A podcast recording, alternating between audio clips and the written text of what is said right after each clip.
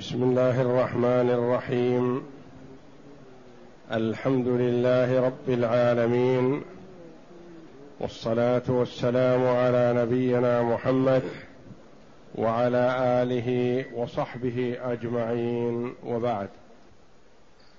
أعوذ بالله من الشيطان الرجيم.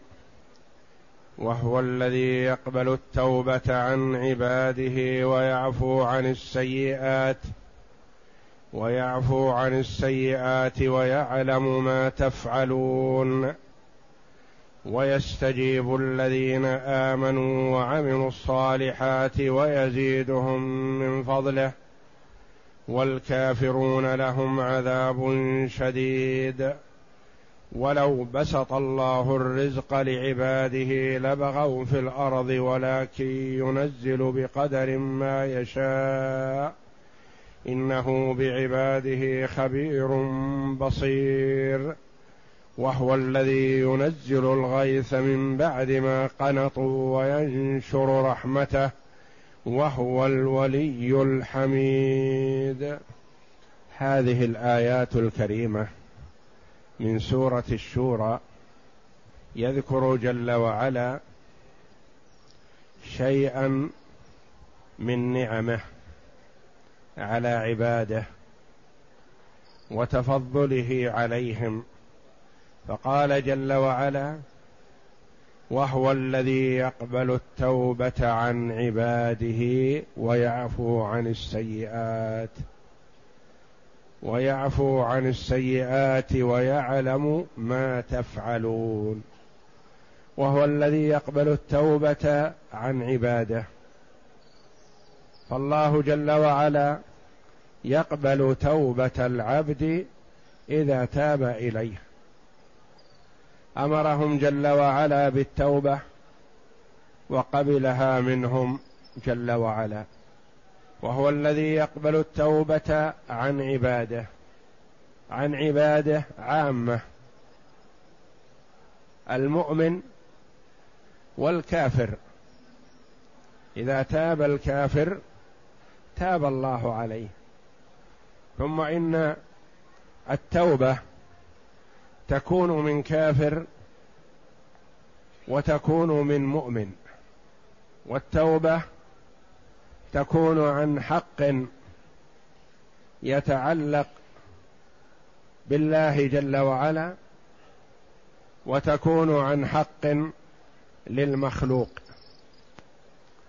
أما بالنسبة للمستقبل.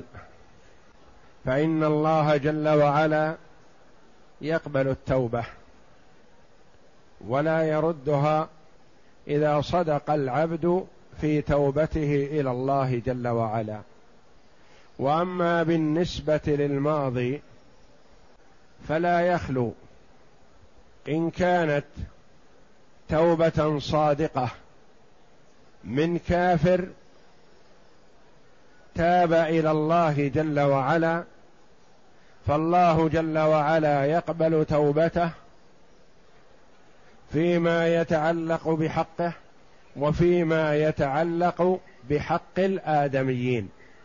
فالكافر إذا تاب عن حق يتعلق بالله أو يتعلق بمخلوق فالله جل وعلا يقبل توبته وتكون توبته هذه ماحية لكل حق عليه. فالكافر إذا تاب من سرقة تاب من الشرك أولا ووحد الله جل وعلا فالله يقبل توبته ويتحمل عنه جل وعلا حقوق العباد. من سرقة وقتل وظلم وغير ذلك. إذا تاب فتوبته تكون ماحية لكل ذنب اقترفه من قبل. فالكافر مهما قتل إذا أسلم فلا يطالب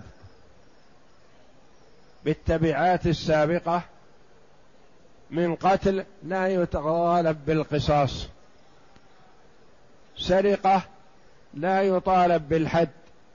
شرب خمر لا يطالب بإقامة الحد عليه حينما عما اقترفه في كفره. سرق مالا لا يطالب برد هذا المال. فالتوبة تجب ما كان قبلها. وأما توبة المسلم عن المعاصي فلا يخلو إما أن كانت في بحق لله جل وعلا فالله جل وعلا يتوب عليه وأما إذا كانت بحق لادمي فلا بد من رد الحق إلى صاحبه. إيضاح ذلك. مسلم شرب الخمر فتاب وأناب إلى الله وأحسن العمل فالله يتوب عليه إذا استكمل ثلاثة شروط. الندم على ما فرط منه والبعد عن المعصية هذه والعزم على الا يعود إليها مرة ثانية. هذه الثلاثة شروط. الإقلاع عن المعصية الندم على ما فرط منه العزم على الا يعود. شرب الخمر فأقلع عن شرب الخمر. ندم على ما فرط منه لا يتمدح بما حصل منه. أنا فعلت وأنا فعلت يندم على ما فرط منه. الثالث العزم على الا يعود إلى هذا الذنب مرة أخرى. إذا استكمل هذه الثلاثة الشروط فإن الله جل وعلا يتوب عليه. كان يتهاون بالصلاة فأقلع عن هذا التهاون. وندم على ما فرط منه وعزم على الا يعود إلى التهاون مرة أخرى. يقبل الله توبته ويتوب عليه. هذه حقوق الله جل وعلا. حق لآدمي. مسلم اختلس مالا لأخيه المسلم. لابد مع الشروط الثلاثة في التوبة شرط رابع وهو رد الحق إلى صاحبه. يسرق المال ويقول أستغفر الله وأتوب إليه ويقلع ويندم ويعزم على الا يعود ما يكفي هذا؟ لأن مال المسلم عنده فلا بد أن يرده أن يرد المظلمة إلى صاحبها وإلا تبقى في ذمته يطالبه بها يوم القيامة. إذن فتوبة الكافر تجب ما كان قبلها مطلقا. من أي حق؟ وتوبة المسلم بهذه الشروط الثلاثة في حق الله جل وعلا وبالشروط الأربعة في حق ما كان في حق ادمي والله جل وعلا رغب في التوبة. وحث عليها في آيات كثيرة من كتابه. والنبي صلى الله عليه وسلم حث على التوبة وأخبر أنه يتوب إلى الله في اليوم مائه مرة وفي حديث آخر أكثر من سبعين مرة. وأخبر أن الله جل وعلا يفرح بتوبة عبده. وأن الله يقبل توبة عبده ما لم يغرغر. وهذا حث من الله جل وعلا للعباد بالمبادره بالتوبة. فتجب المسارعة بالتوبة إلى الله جل وعلا من كل ذنب. قد يقول قائل هو واقع في أكثر من معصية. هل تصح توبته في معصية دون معصية؟ إذا تاب مثلا هو واقع في ترك الصلاة والتساهل فيها وإلا تاركها بالكلية كافر. لكن التساهل فيها أو عدم المحافظة على صلاة الجماعة وواقع في الغيبة وواقع في النميمة. أراد أن يتوب إلى الله جل وعلا من بعضها ولم يستطع التوبة من البعض الآخر. فهل تصح توبته عن التساهل بالجماعة والصلاة وإن لم يتب عن الغيبة؟ وهل تصح توبته عن النميمة وإن لم يتب عن الغيبة؟ الجواب نعم. تصح. إذا تاب من معصية توبة صادقة صحت توبته والله جل وعلا يقبلها ويتجاوز عنه. وهو الذي يقبل التوبة عن عباده يقبلها منهم جل وعلا. ويعفو عن السيئات عن السيئات التي حصلت يتجاوز عنها جل وعلا. إذا تاب العبد عفى له عما مضى سبحانه كما قال جل وعلا والذين لا يدعون مع الله إلها آخر ولا يقتلون النفس التي حرم الله إلا بالحق ولا يزنون. ومن يفعل ذلك أي هذه الجرائم الثلاث يلقى أثاما يضاعف له العذاب يوم القيامة ويخلد فيه مهانا إلا من تاب وآمن وعمل عملا صالحا فأولئك يبدل الله سيئاتهم حسنات وكان الله غفورا رحيما ومن تاب وعمل صالحا فإنه يتوب إلى الله متابا وقال جل وعلا قل للذين كفروا إن ينتهوا يغفر لهم ما قد سلف.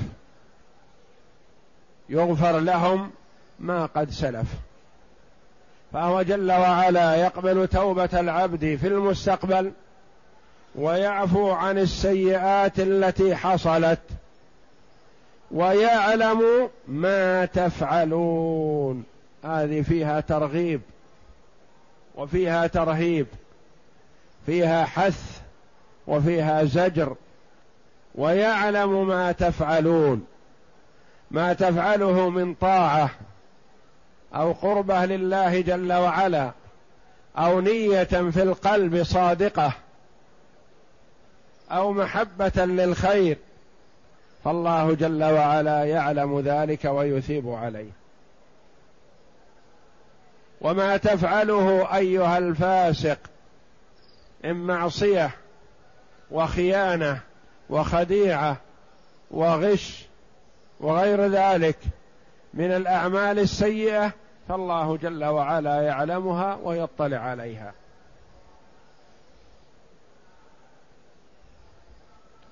ثم إن في هذه حث للتوبة ليقبلها الله جل وعلا. قد يقول قائل كما قال الرجل الذي أخبر عنه النبي صلى الله عليه وسلم يظن أن لا تقبل توبته لأنه عمل اعمالا فظيعة في منتهى الفظاعة والشناعة كأنه يقول ما تقبل التوبة هذه. فالله جل وعلا يقول لا هو يقبل التوبة ويعلم ما فعلت كله. لا تقل هذا شيء لا تحمله التوبة أو لا تطيقه أو لا تسعه. لا. لأن الذي قال لك ويعفو عن السيئات يعلم كل ما فعلت. فالرجل الذي قتل تسعة وتسعين نفسا متردد. هل تقبل توبته أو لا؟ فذهب يسأل عابدا جاهلا فقال له إنه قتل مئة نفس تسعة وتسعين نفسا فهل له من توبة؟ فذاك قال لا. تسعة وتسعين نفس لا توبة لك. فسد الخير في وجهه فاخترط هذا المجرم الذي جاء ليتوب سيفه وقتل هذا الرجل. وهو الذي جنى على نفسه لأنه بين يديه رجل قتل تسعة وتسعين نفسا. ثم يقفل باب الخير أمامه. لا شك أنه سيكمل به المئة. فذاك المفتي هو الجاني. لو كان يعلم علما حقيقيا أنها لا تقبل توبته ما صارحه في هذا من أجل أن يسلم. كيف تصارحه بما يكره؟ وقد قتل تسعة وتسعين نفسا. فاخترط سيفه وقتل هذا المفتي على جهل وضلال. وأكمل كم؟ مئة. ثم سأل عن أعلم أهل الأرض فدل على عالم.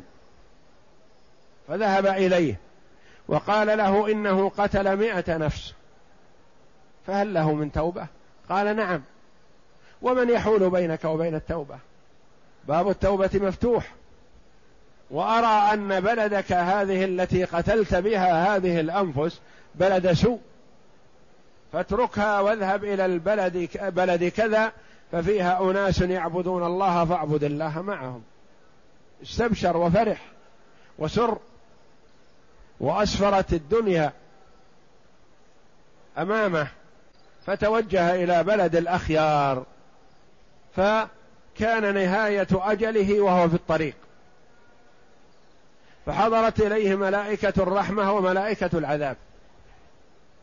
كل يريد قبض روحه. ملائكة الرحمة يقولون جاء تائبا. خرج من بلاد الفسق والفجور إلى بلاد الأخيار تائبا فنحن أحق به.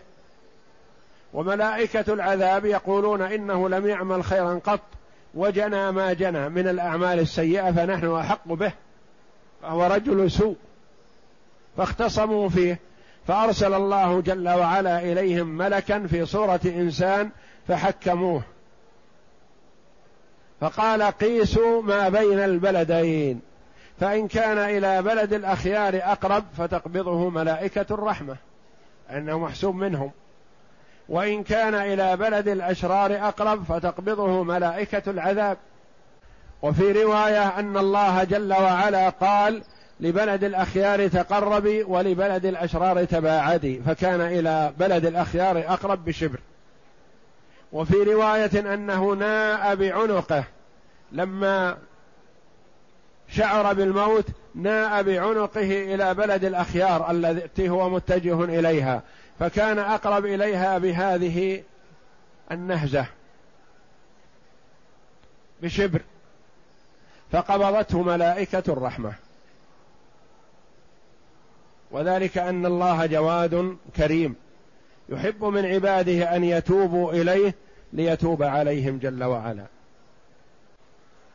فمهما عمل المرء من الأعمال حال كفره أو حال إسلامه وندم وتاب إلى الله جل وعلا واستكمل شروط التوبة فإن الله جل وعلا بجوده وكرمه وإحسانه وفضله يقبلها.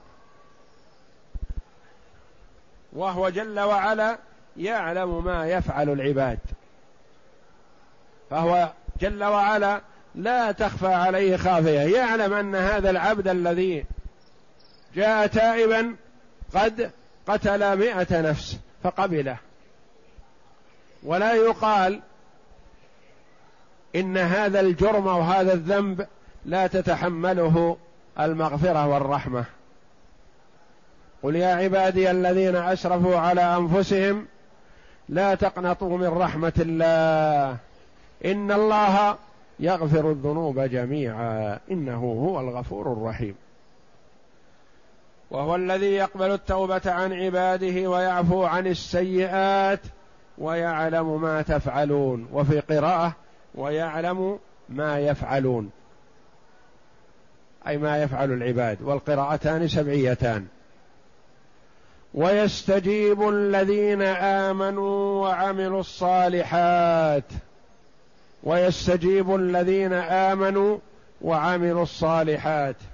ويستجيب الذين الذين يصح أن تكون فاعلا ويصح أن تكون مفعولا. ويستجيب الذين يستجيب دعاء الذين آمنوا وعملوا الصالحات. يستجيب طلب الذين آمنوا وعملوا الصالحات. يكون في محل نصب مفعول. يستجيب للذين آمنوا يستجيب لهم يستجيب دعاءهم سؤالهم ويصح أن يكون فاعلا. ويستجيب الذين آمنوا وعملوا الصالحات أي يستجيب المؤمنون لله جل وعلا. استجابوا لله يعني استجابوا دعوة الله. استجابوا للإيمان بالله وتصديق الرسل. ويستجيب الذين آمنوا وعملوا الصالحات. لا بد من الإيمان والعمل الصالح في حال المهلة والسعة. فلا يصح دعوى الإيمان بدون عمل صالح. كما أن العمل وإن كان ظاهره الصلاح فإنه لا يصح ولا ينفع بدون الإيمان. وإذا قرنا معا الإيمان والعمل الصالح كما هو في كثير من اي القرآن فالمراد بالإيمان عمل القلب والمراد بالعمل الصالح عمل الجوارح. وإذا ذكر أحدهما معا أحدهما فقط شمل الاثنين. فالإيمان إذا ذكر وحده فهو قول وعمل واعتقاد. والعمل الصالح إذا ذكر وحده فهو عمل القلب وعمل الجوارح. عمل القلب الإخلاص لله وعمل الجوارح حركات البدن وعمله. ويستجيب الذين آمنوا وعملوا الصالحات. يستجيب دعاءهم. أو هم يستجيبون له. ويوفقهم لذلك. استجيبوا لربكم. ويزيدهم من فضله. يعطيهم فوق ما يستحقون من الحسنات زيادة. قال بعض السلف يقبل شفاعتهم في إخوانهم. وقال بعضهم يقبل شفاعتهم في إخوانهم وفي إخوان إخوانهم. يستجيب دعاءهم في إخوانهم كما ورد عن معاذ بن جبل رضي الله عنه أنه خطب في الشام فقال أنتم المؤمنون وأنتم أهل الجنة ومن أسرتموهم من فارس والروم أرجو أن يكونوا معكم في الجنة لأنكم إذا صنعوا لكم صنيعا قلتم أحسنتم غفر الله لكم أحسنتم رحمكم الله فيستجيب الله دعاءكم فيهم. فالمؤمن إذا دعا لأخيه المسلم استجاب الله جل وعلا دعاءه فيه. وإذا دعا المسلم لأخيه المسلم في ظهر الغيب أمن الملك الملك على دعائه وقال له بمثل ذلك. إذا دعوت لأخيك المسلم مثلا بالمغفرة وهو ليس عندك أمن الملك على دعائك وقال ولك بمثل ذلك. دعا لك الملك بالمغفرة. إذا دعوت لأخيك المسلم بالشفاء والعافية أمن الملك على دعائك وقال ولك بمثل ذلك. وهكذا. فالمؤمن إذا دعا لأخيه المسلم بدعوة بظهر الغيب استجيب له بإذن الله بتأمين الملك وله مثل دعوته. قال بعض السلف ويستجيب الذين آمنوا وعملوا الصالحات يعني يستجيب لهم في الشفاعة يشفعهم في إخوانهم ويزيدهم من فضله يشفعهم في إخوان إخوانهم.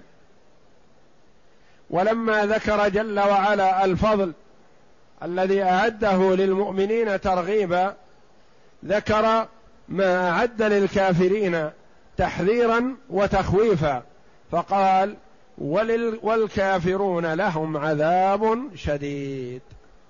يستجيب للمؤمنين ويزيدهم. والكافرون لهم عذاب شديد لأنهم كفروا بالله وبرسله والعذاب الشديد في الدار الآخرة. والله جل وعلا العظيم إذا قال هذا عن هذا الشيء إنه شديد وكبير فهو عظيم حقا وشديد حقا. والكافرون لهم عذاب شديد.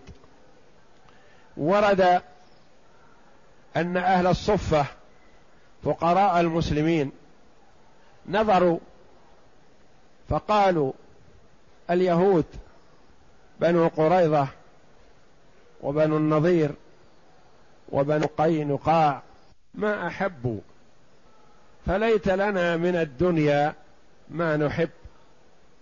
فأنزل الله جل وعلا ولو بسط الله الرزق لعباده لبغوا في الأرض ولكن ينزل بقدر ما يشاء إنه بعباده خبير بصير.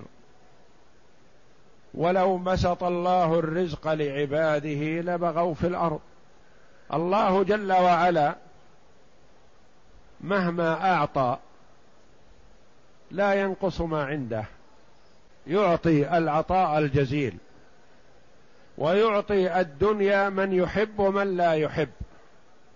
ويحرم الدنيا من يحب ومن لا يحب. والعطاء من الدنيا لا يدل على المحبة. كما أن المنع من الدنيا لا يدل على الكراهية والبغض.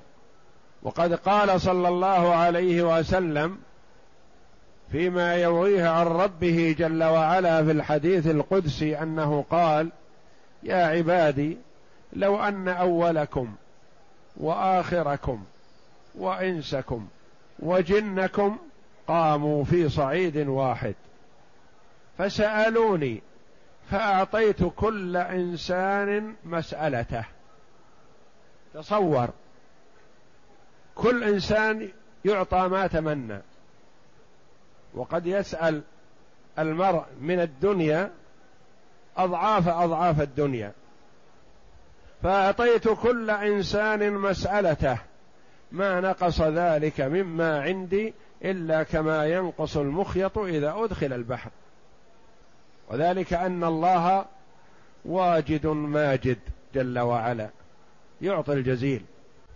لكنه جل وعلا يمنع الدنيا عمن يحب لمصلحته ويعطي الدنيا من يحب لمصلحته ويمنع الدنيا عمن يبغض ويكره ويعطي الدنيا لمن يبغض ويكره جل وعلا.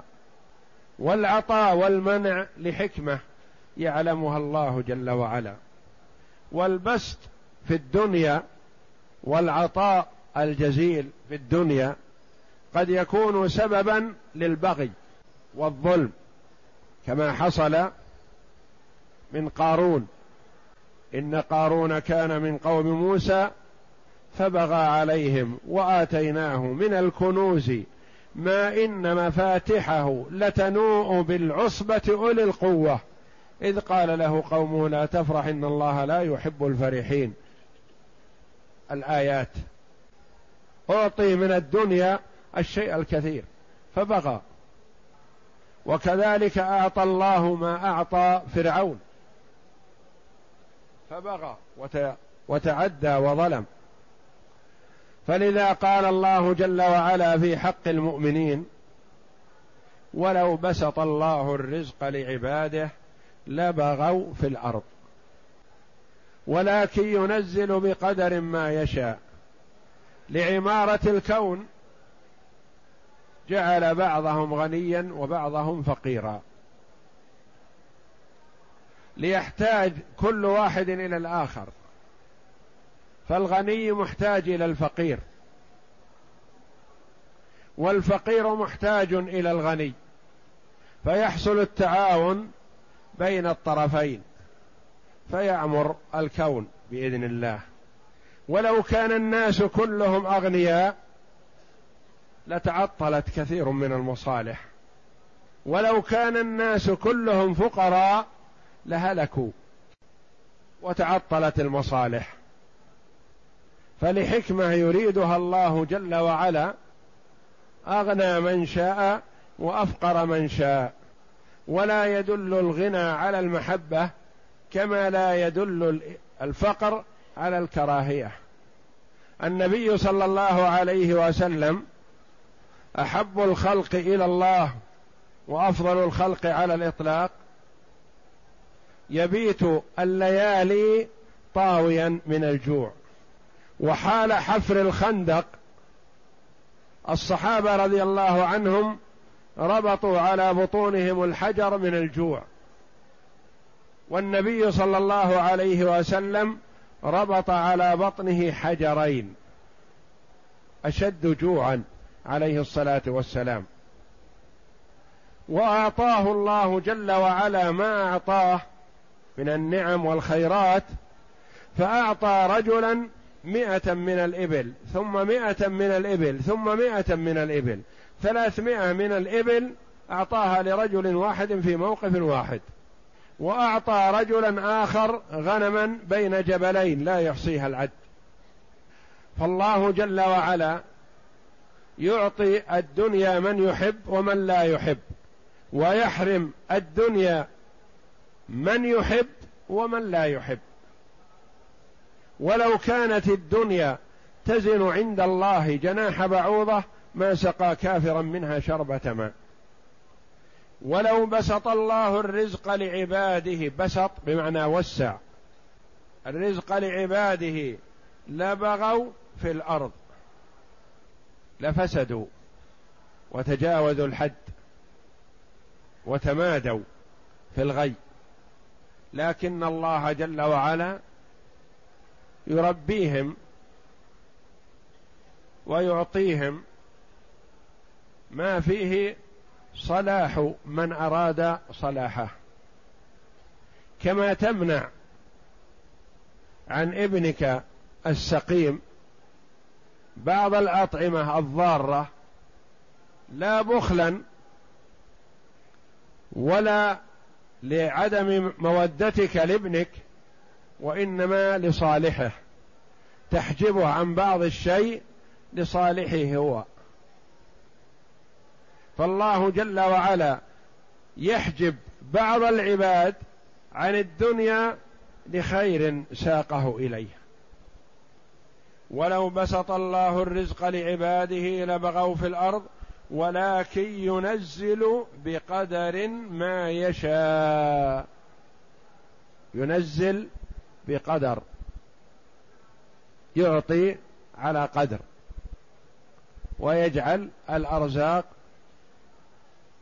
متسلسلة لا يعطيها دفعة واحدة ويضيعها المرء أو يبذر فيها وإنما يجعلها مرتبة ويوسع على من شاء ويضيق على من شاء لحكمة.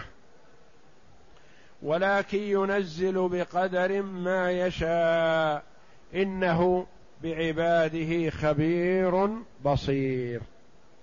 خبير جل وعلا بأحوال عباده بصير بهم. وكما ورد في الحديث أن الله جل وعلا يقول إن من عبادي من لا يصلح له إلا الغنى. ولو أفقرته لأفسدت عليه دينه. ومن عبادي من, من لا يصلح له إلا الفقر. ولو أغنيته لأفسدت عليه دينه. فهو جل وعلا يعطي لحكمة. إنه بعباده خبير بصير تعليل للبسط والمنع. لأنه جل وعلا يعلم حال عبده. وهو الذي ينزل الغيث والمراد به المطر. من بعد ما قنطوا من بعد ما قنطوا. وينشر رحمته. تتأخر الأمطار عن الناس فييأسوا ويقنطوا وتقحط الأرض يصير القحط. والناس يقنطوا من من المطر يستبعدوه ويتصوروا أنه شبه مستحيل أو لن يحصل لتتابع السنين عليهم. ثم إن الله جل وعلا ينزل ذلك. جاء رجل إلى عمر بن الخطاب رضي الله عنه فقال يا أمير المؤمنين قحطت الأرض وقنط الناس. قال حصل هذا؟ قال نعم. قال مطروا. يعني أن الرحمة تنزل عند هذا. وقرأ قول الله جل وعلا وهو الذي ينزل الغيث من بعد ما قنطوا وينشر رحمته. ينشر يعم على السهل والجبل. لا يقال رحمة الله تنزل في الأسفل والأعلى ما تأتيه أو رحمة الله تنزل في الأعلى والأسفل ما يطوله شيء لا. ينشرها جل وعلا. ورحمته هنا المطر كذلك. فالله جل وعلا عبر عنه باسمين الغيث والرحمة. وهو الذي ينزل الغيث من بعد ما قنطوا وينشر رحمته. قنطوا فيها قراءتان بفتح النون وكسرها قنطوا وقنطوا.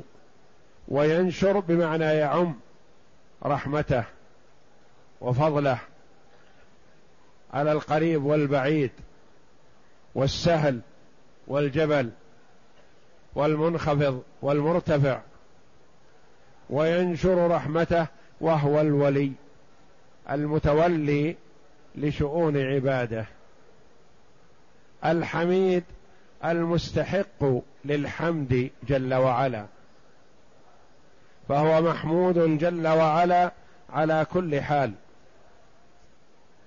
محمود في جميع أفعاله جل وعلا. فهو الولي المتولي لأمور عباده والمتصرف فيهم كيفما شاء وعلى ما أراد لحكمة وهو المحمود على ذلك جل وعلا. والله أعلم. وصلى الله وسلم وبارك على عبده ورسول نبينا محمد وعلى آله وصحبه أجمعين.